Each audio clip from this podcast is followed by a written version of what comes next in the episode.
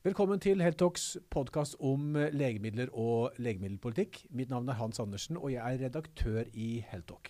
I studio har vi da med oss Per Aabakken. Han har akkurat gått på som toppsjef i Sanofi Norge. Hjertelig velkommen til deg, og gratulerer med ny jobb. Jo, takk for det. Var hyggelig å bli invitert. Ja, Veldig hyggelig å ha deg her, Per. Eh, selv om mange kjenner deg fra før, for du jo, er en mann som har vært i bransjen i mange år. Eh, så, så, gjelder det jo ikke alle. Eh, så mitt første spørsmål til deg, Per, er hvem er nå denne Per Aabakken, da? Så jeg er, eh, som sagt, jeg har vært en, en, god stund i bransjen. Jeg begynte i 91 etter at jeg var ferdig utdannet handelsøkonom fra Handelsakademiet. Mm. Og da begynte jeg å selge Santac eh, i Glaxo. Og etter det så har jeg hatt de fleste kommersielle, kommersielle rollene du kunne ha i Glaxo, og var der i 18 år eh, før det var en reorganisering og jeg fikk mulighet til å slutte. Da drev jeg et eget uh, konsulentselskap. Jobbet litt med et, uh, som lobbyvirksomhet i forhold til ny storflyplass uh, og litt andre mm. prosjekter. Var du på Hurum-siden eller på Gardermo-siden? Nei, vi skal nordover. Ja. Vi skal nordover. Ja. Ja. og så begynte jeg i Abbott mm. som external affair manager der for Humira. Og jobbet mot pasientforeninger og storting mm. og for å argumentere for fortsatt finansiering av TNF alfahemmerne. Som var en, en, viktig jobb på den tiden, mm. og fortsatt er. Så fikk jeg muligheten til å starte som leder for Sanofi Pasteur MSD, som er et joint venture mellom Sanofi og MSD, hvor alle deres vaksiner ble lagt inn i dette i Europa. Var der til uh, eh, 2016 hvor denne joint venturen ble avsluttet. Og da fikk jeg mulighet til å begynne enten i Sanofi eller MSD, og valgte da Sanofi. Mm. Hvor jeg har ansvar for Danmark, Norge og Island på vaksiner. Og nå i midten av februar fikk det daglige ansvaret for Sanofi Norge. Mm. Vi skal komme mer inn på de to hattene som du da har på deg. Men på privatsiden, da, Per, hva gjør du når du ikke er sjef for Sanofi på vaksine eller på de ordinære eller andre legemidlene? Ja, da spiller jeg curling. Mm. Mm. Curling? curling ja. ja. Så jeg spiller eh, aktiv reserve på et curlinglag eh, på Bygdøy og Snarøya. Mm -hmm. Så der er vi i annendivisjon mm. og jobber for å ikke komme opp i første. Er, er, du skip, eller er det koster det heter? Altså Jeg er jo primært reserve, og da, du, da kommer du ikke på skip-nivå. Ja. Da blir du en koster. Ja. Ja. Men i Sanofi så er du ingen koster. Der skal du nå begynne å legge steinene. Der skal jeg begynne å legge steiner, ja. Mm. Og, og uh, Fortell oss litt. Hva er liksom, de store utfordringene som du, du, og selskapet her i Norge, og gjerne også litt internasjonalt, hva, hva er det det står overfor? Ja, Vi står jo overfor mye av de samme utfordringene som resten av bransjen. Eh, og det er klart vi, Vår viktigste oppgave det er å sørge for at de legemidlene og vaksinene som vi forsker frem, bruker milliarder av kroner på hvert eneste år, eh, at de blir gjort tilgjengelig i Norge. Mm. Det er vårt hovedansvar. Eh, for meg nå, i den, den, nye rollen jeg har, så er det viktig å fortsette det arbeidet som eh, Britt Moe Flatla har gjort, med å forsøke å knytte oss sammen som organisasjon og fremstå utad mm. som én organisasjon. For vi er jo bygget opp med Vi har tre eh, Altså vårt DNA. Eh, det er liksom tre business uniter. Um, så det, det, er en som er sånn specialty care, med bl.a. Uh, ja, immunologi, MS, uh, sjeldne sykdommer f.eks. Og så har vi en som heter GenMed, uh, som er diabetes og hjertekar. Uh, og noen legemidler til. Og så er det vaksiner. Mm. Disse tre er på en måte tre siloer. Uh, og I tillegg så har vi mange støttefunksjoner som man trenger for mm. å lage Hvor mange ansatte er det dere har i Vi er rundt 70 mm. ansatte nå. Mm. Så, vi, så min, min, oppgave er å knytte alle oss sammen, for vi har det samme målet. Å gjøre våre legemidler tilgjengelige og sikre en riktig mm. bruk av disse legemidlene. Mm. Så, så, og du har jo egentlig på deg eh, to hatter i selskapet. Du, er, du har jo vært vaksinesjef i det, er det i Norge, eh, Island og Skandinavia i, i mange år? Ja, Danmark, Norge Danmark, og Island. Ja. Nor Danmark, Norge, Island. Og så nå har du også tatt topplederansvaret. Mm. Hvordan er det du skal klare å forene de to jobbene? Mye av det arbeidet jeg gjør, har gjort, eh, sammenfaller jo veldig med det som eh, en, en, leder av organisasjonen skal gjøre. Og det går jo på å ha ekstern kommunikasjon, eh, jobbe med de som kan gjøre en forskjell, og andre som eh, har de samme målsetningene som oss, mm. og sikre at eh, våre legemidler blir gjort eh, tilgjengelig. Om det er pasientforeninger, politikere, leger, eh, hva det måtte være. Mm. Vi, eh, vi, har jo et slagord som heter uh, 'We chase the miracle of science to improve uh, patients' life'. Og, og, det er et utrolig sterkt slagord og, og, en verdi som jeg syns var utrolig flott når vår toppsjef Paul Hudson kommuniserte det. Mm. Og det ligger mye forpliktelse i, i, i, det, i den verdien. Og, og, hva er håper å si, mirakelmedisinen som dere har å tilby? Ja, Miraklene kommer jo til. Altså, mm. vi, vi, har jo veldig mange gode uh, medisiner uh, som, uh, som ikke kan gå inn på her. Mm. Men jeg tror her går det på det å sikre at vi forsker videre. Altså, Vi bruker nærmere 6 milliarder euro i året på å forske. Mm. Vi har forskningssenter og produksjonsanlegg over hele verden. og med dette verktøyet så mener vi at vi oppfyller at vi chase the miracles of science to improve people's life. Mm. så det å liksom hele tiden være et hakk foran. Sørge for at man forsker på de riktige produktene, men også de sjeldne. Mm. For vi favner ikke bare de store pasientgruppene, vi favner også de små. De som har de sjeldne sykdommene hvor det kanskje bare er noen få pasienter, fire-fem pasienter i Norge, til de hvor det kan være mange hundre tusen. Mm. Vi, vi, har stor bredde i vår portefølje.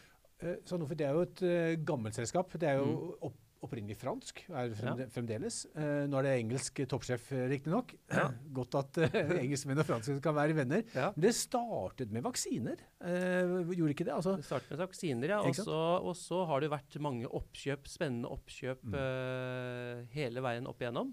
Som har gjort at vi er blitt det vi er blitt i dag. Mm. Og Et av de virkelig store oppkjøpene eller sammenslåingene det var jo med Gensheim, mm. hvor man bl.a. også fikk inn det med sjeldne sykdommer. Mm. Du sa du ikke kunne snakke så mye om konkrete legemidler. Men, men dere, dere, de siste skal vi si, par årene så har jo særlig ett legemiddel, eh, et antiinflamatorisk antiinflammatorisk legemiddel som heter Dupixent, eh, fått masse oppmerksomhet. Og, og senest denne uken så har det kommet to store nyheter om eh, legemidler. Dels har dere fått eh, Jeg vet ikke hvor mange godkjenninger det har i mm. Europa nå, men, men det er vel åttende eller niende kanskje. Mm. Og så har dere i tillegg fått veldig sterke data på, på kols. Altså det, mm. den første biologiske legemiddelet som ser ut til å ha en uh, betydelig effekt på kols. Nå er det ikke dette godkjent for kols ennå, mm. men, men, kan du fortelle litt om hvordan er det uh, Jeg vet at du ikke kan si så mye om konkrete legemidler, men, mm. men hvordan blir sånne legemidler forsket frem? Det er, et, det er et, veldig godt spørsmål. og, og Det vi, vi, har, det er at vi har jo veldig mange dyktige forskere og utviklere over hele verden mm. som uh, samarbeider også med Regeneron. Uh, og det er jo det beste utgangspunktet for at et sånt legemiddel kan bli gjort uh, ja, både ferdigstilt og, og, ja, og, kan komme i den posisjonen som det er i dag. Mm. Kan, kan, du fortelle litt, Per, om hvordan da Norge sin rolle er i, i utvikling eh, og, av disse legemidlene? Hva, hva, gjør dere her? I, Norge, i forhold til uh, Tidligere har vi jo gjort klinisk utprøvning i Norge. Det gjøres det ikke så mye av nå, dessverre. Det er for lite klinisk utprøvning i Norge. Det ønsker bransjen at det skal bli mer av. Vi ønsker oss bedre rammevilkår mm. som gjør at uh, når de store selskapene skal gjøre større kliniske utprøvninger eller mindre, så skal de peke på Norge. Her har vi systemer, her har vi lyst til å gjøre studier. Mm. Vi har gode registerdata, vi har gode systemer, og vi har uh, et helse, uh, helsepersonell som har god erfaring med å gjøre klinisk utprøvning fra tidligere. Vi må ikke miste den kunnskapen. Eh, så det er egentlig en oppfordring til myndighetene også å legge til rette for at det blir attraktivt mm. å gjøre kliniske studier. Og Hva kan myndighetene mer konkret gjøre for å legge til rette for dette? Så, så spørsmålet er jo, som jeg kan tenke meg at industrien stiller seg, det er jo hvorfor skal man legge kliniske studier til et land som tilsynelatende ikke er så interessert i å ta i bruk eh, innovasjoner og nye legemidler. Så jeg tror det er nok eh, et viktig spørsmål som vi må stille tilbake til myndighetene. Mm. Eh, hvor raskt, hvor interessert er de egentlig i, i, å ta i bruk nye legemidler? Særlig med den prispolitikken uh, som de kjører. Ja, og Da snakker vi om både blåreseptgodkjenningen, som uh, Legemiddelverket, eventuelt Stortinget, må inn i mm. hvis det går over bagatellgrensen, mm. men ikke minst Beslutningsforum, som hvor, hvor bl.a. dere har jo mange legemidler som, som, da skal inn i spesialisthelsetjenesten. Ja, nettopp. Og det er klart disse prosessene mm. og dette stadig presset på pris eh, altså Min frykt er jo at uh, flere og flere etter hvert vil uh, ja, avvente med å lansere nye innovasjoner i Norge. Nettopp pga. denne uh, ja, jeg vet ikke om man skal kalle det sendrektighet, mm. men uh, dette presset på hvert fall omtrent ikke skulle betale noen ting for disse legemidlene. Du, du, har jo du har jobbet i bransjen i mange år. Uh, vil du si at det har vært en uh, negativ utvikling i dette, i, det, i dette, bildet, eller er vi på blitt bedring? Altså jeg, jeg, har jo ikke vært, i, i, og med at jeg jobber med vaksiner, mm. så er jeg på en måte på en annen rute, holdt jeg på å si. Mm. Men min opplevelse er at at det er vel ikke noen synlig bedring. Men det, ikke, det har vel kanskje flatet litt ut, mm. muligens. Uh, jeg håper jo snart uh, myndighetene ser konsekvensene av den prispolitikken de særlig kjører. Uh, vi forstår at prisene må ned når patenter går ut. Det, det er nå så. Mm.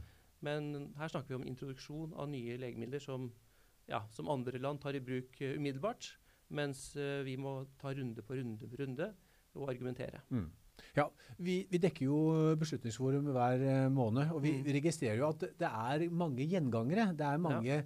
Legemidler som, eh, som eh, Beslutningsforum sier at det er for dyrt, effekten er for dårlig dokumentert, og så gir de Sykehusinnkjøp mandat til å starte nye forhandlinger med legemiddelfirma. Mm. Eh, senest nå innenfor en, et legemiddel for trippel negativ brystkreft. Så det mm. tar etter din mening for lang tid å få disse legemidlene inn i eh, behandlingsverdikjeden? Absolutt. Mm. Og jeg, jeg, jeg, opplever at det er mange, det gjelder jo også vaksiner, mm. eh, hvor det gjerne kan ta mange år før det kommer inn. Mm. Og det er jo systemene som bidrar til at det tar eh, lang tid ofte. Mm. Og, og, der har vi jo sett altså Vi så jo hvor raskt man klarte å få inn vaksiner nå gjennom covid. Så hvis man virkelig vil, så er det mulighet å få ting raskt inn på markedet hvis man virkelig ser et behov for det. Mm. Og jeg tror jo det er viktig nå å ta en evaluering av covid-perioden. Og se hvordan skal man ruste seg for best mulig forberedt på neste helsekrise. Og da snakker jeg spesielt ikke bare vaksiner, men i det hele tatt om beredskap. Mm. Og her tror jeg det er viktig at man, myndighetene har en god dialog med legemiddelindustrien. For vi er helt sentrale uh, i det arbeidet med å sikre god beredskap. Sikre legemidler til Norge. Så her kan vi stå sammen om å finne best mulig løsninger. Mm. tenker jeg. Ja, for, for, du er jo også da eh, sjef for Sanofis vaksineavdeling i Norge, Danmark og Island. som vi har litt mm. på. Du er også leder i eh, LMIs vaksineutvalg. Faggruppen for vaksiner, ja. ja ikke sant? Nettopp. Ja. Eh, og, og, da kommer et lite spørsmål til deg. Eh, på fredag nå om en uke så mm. legger regjeringen frem folkehelsemeldingen. Ja. Eh, og du har vært en ivrig forkjemper, vet jeg, for, og vi har snakket med, med deg tidligere, bl.a. i Arendalsuka, mm. eh, om at det nå må komme midler til et voksenvaksinasjonsprogram. Ja. Hva, hva, hva, hvis, hvis, du skal først, Vi skal komme dypere inn i det, men, ja. men hvis du skal eh, vedde pengene dine på, på det, vil du satse på at regjeringen sier ja til dette nå? Jeg kan satse penger på at de kommer til å omtale voksenvaksinasjonsprogrammet i folkehelsemeldinga. Mm. Så mye kan jeg satse. Men du er usikker på Men jeg er usikker. Det ja. jeg frykter, mm. er at, uh, at, det her blir sagt at det skal utredes mer. Mm. Altså mer utredning. Mm. Um, det var jo i 2015 at, uh, første, at Solberg-regjeringen uh, foreslo innføringen av, av et voksenvaksinasjonsprogram. Og hadde Norge gjort det da, så hadde vi vært tidlig ute. Og vi hadde vært i en annen situasjon i forhold til å være forberedt på, på mm. covid, f.eks. Mm. Um, det som jeg tror er viktig nå, er at 2018 så kom jo, i 2018 så kom Folkehelseinstituttet med sin anbefaling om mm. hvordan man kunne gjennomføre, finansiere, hvilke sykdommer man skulle beskytte mot. Mm. Og, og, og, det var en modell hvor de, det ble foreslått å finansiere influensa til risikogrupper, øh, pneumokokkvaksine til risikogrupper, mens påfyll av barnevaksiner skulle kunne være selvfinansiert. Og vi har jo eksempler på at har man gode anbefalinger, helsepersonell som sier at du bør ta denne vaksinen, så tar folk det. Influensavaksine f.eks. til de over 65 år mm. er det nå snart 70% av befolkningen som tar. Og det må de betale selv. Mm. Uh, og en liten kommentar der. Norge er det eneste landet i Norden hvor risikopasientene må betale for vaksine og administrasjon av mm. vaksinen. Mm som er ganske unikt uh, i negativ retning, vil jeg si. Så, så kommer det stadig nye vaksiner også. Eh, mm. Og så blir det en, en, eh, en kø av vaksiner som, som, vi burde ta. Altså, eh, Hvorfor, men kan du gi oss noen argumenter? Hvorfor bør regjeringen Nå har de en uke på seg. Det er, nå er det kanskje mer en korrekturlesning som gjenstår av, av Ja. denne meldingen. Men, Ja. men, så det er kanskje vanskelig å påvirke her og nå. Men, men hvorfor bør man si ja til et voksenvaksinasjonsprogram? Det er mange grunner til å si ja Mm. til et voksenvaksinasjonsprogram. Og det, dette her snakker også om det her snakkes det også om da, at man kan redusere presset på helsetjenesten. Man kan frigjøre ressurser som kan brukes på andre viktige helseprioriteringer. Man kan holde flere folk i arbeid.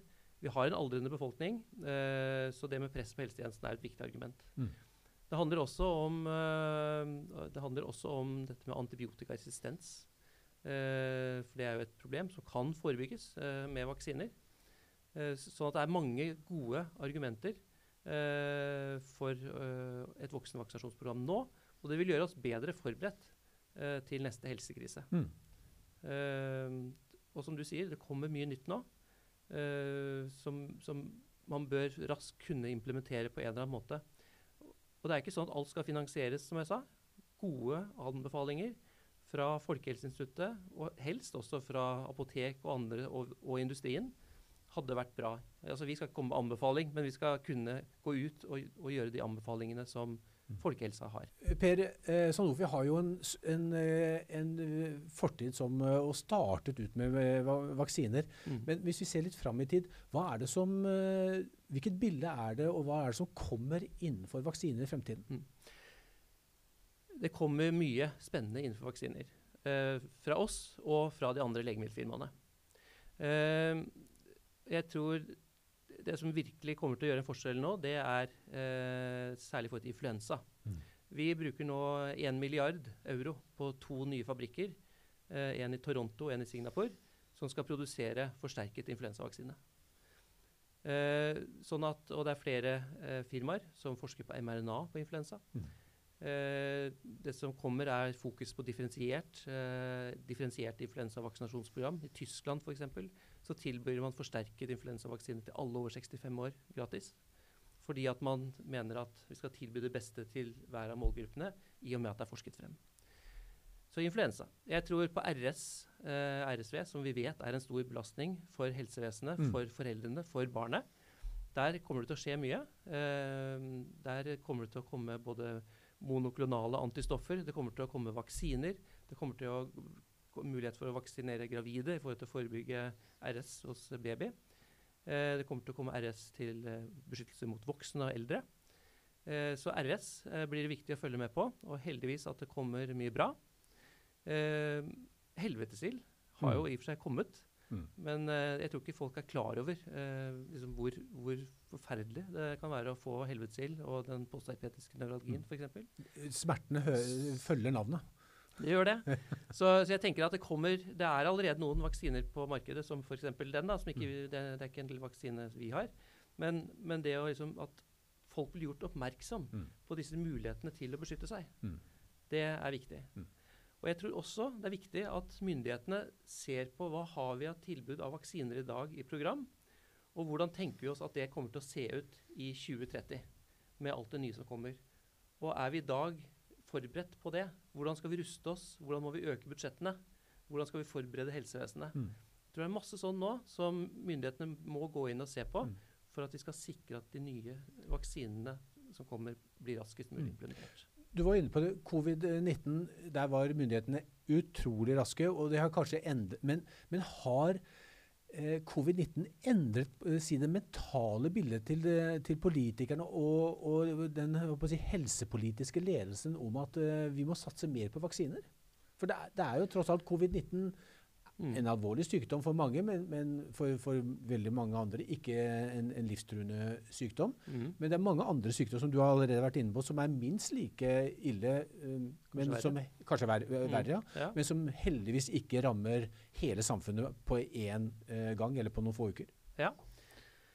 Jeg, jeg, uh, vi er heldige i Norge. Fordi at vi har, uh, våre myndigheter har tatt i bruk vaksiner som et hjelpemiddel, bl.a. gjennom et veldig effektivt barnevaksinasjonsprogram, hvor de har inkludert flere og flere vaksinetyper, bl.a. mot rotavirusvaksine, HPV til jenter 12 år, gutter 12 år, Mm. opphenting, hepatitt B. Så norske myndigheter har i og for seg vært gode til å ta inn. Men så tar det plutselig tid. Så går det i langdrag, og det skal utredes, og det er helseøkonomi. Eh, men jeg tror helsebudsjettene, hvis man ikke velger å gjøre noe med dem, så klarer man ikke å ta i bruk den nye innovasjonen som kommer. Mm. Så jeg tror vi er heldige med en regjering som er positiv til vaksiner. Men eh, de er ikke så raske til å trykke på knappen. Mm. Og voksenvaksinasjonsprogrammet er jo et veldig godt eksempel på det. Mm. Vi skriver snart eh, ti år siden dette her ble foreslått. Eh, og det eneste som vel er blitt bedt om, er om de kan lage et varslingssystem for eh, på, påfyll av vaksiner. Ja, for, for det er jo sånn i Norge at du og jeg som mest sannsynlig trenger, i hvert fall jeg, eh, trenger påfyll. Mm. Eh, jeg Eh, vet jo ikke det. Jeg, jeg, jeg har jo ikke, det, er, det ligger jo ingenting på Helse Norge i dag som forteller at mine vaksiner er løpt ut, og at jeg bør uh, vurdere å ta fram lommeboka mm. og dra til fastlegen min og få satt det. Og det er dette som uh, bl.a.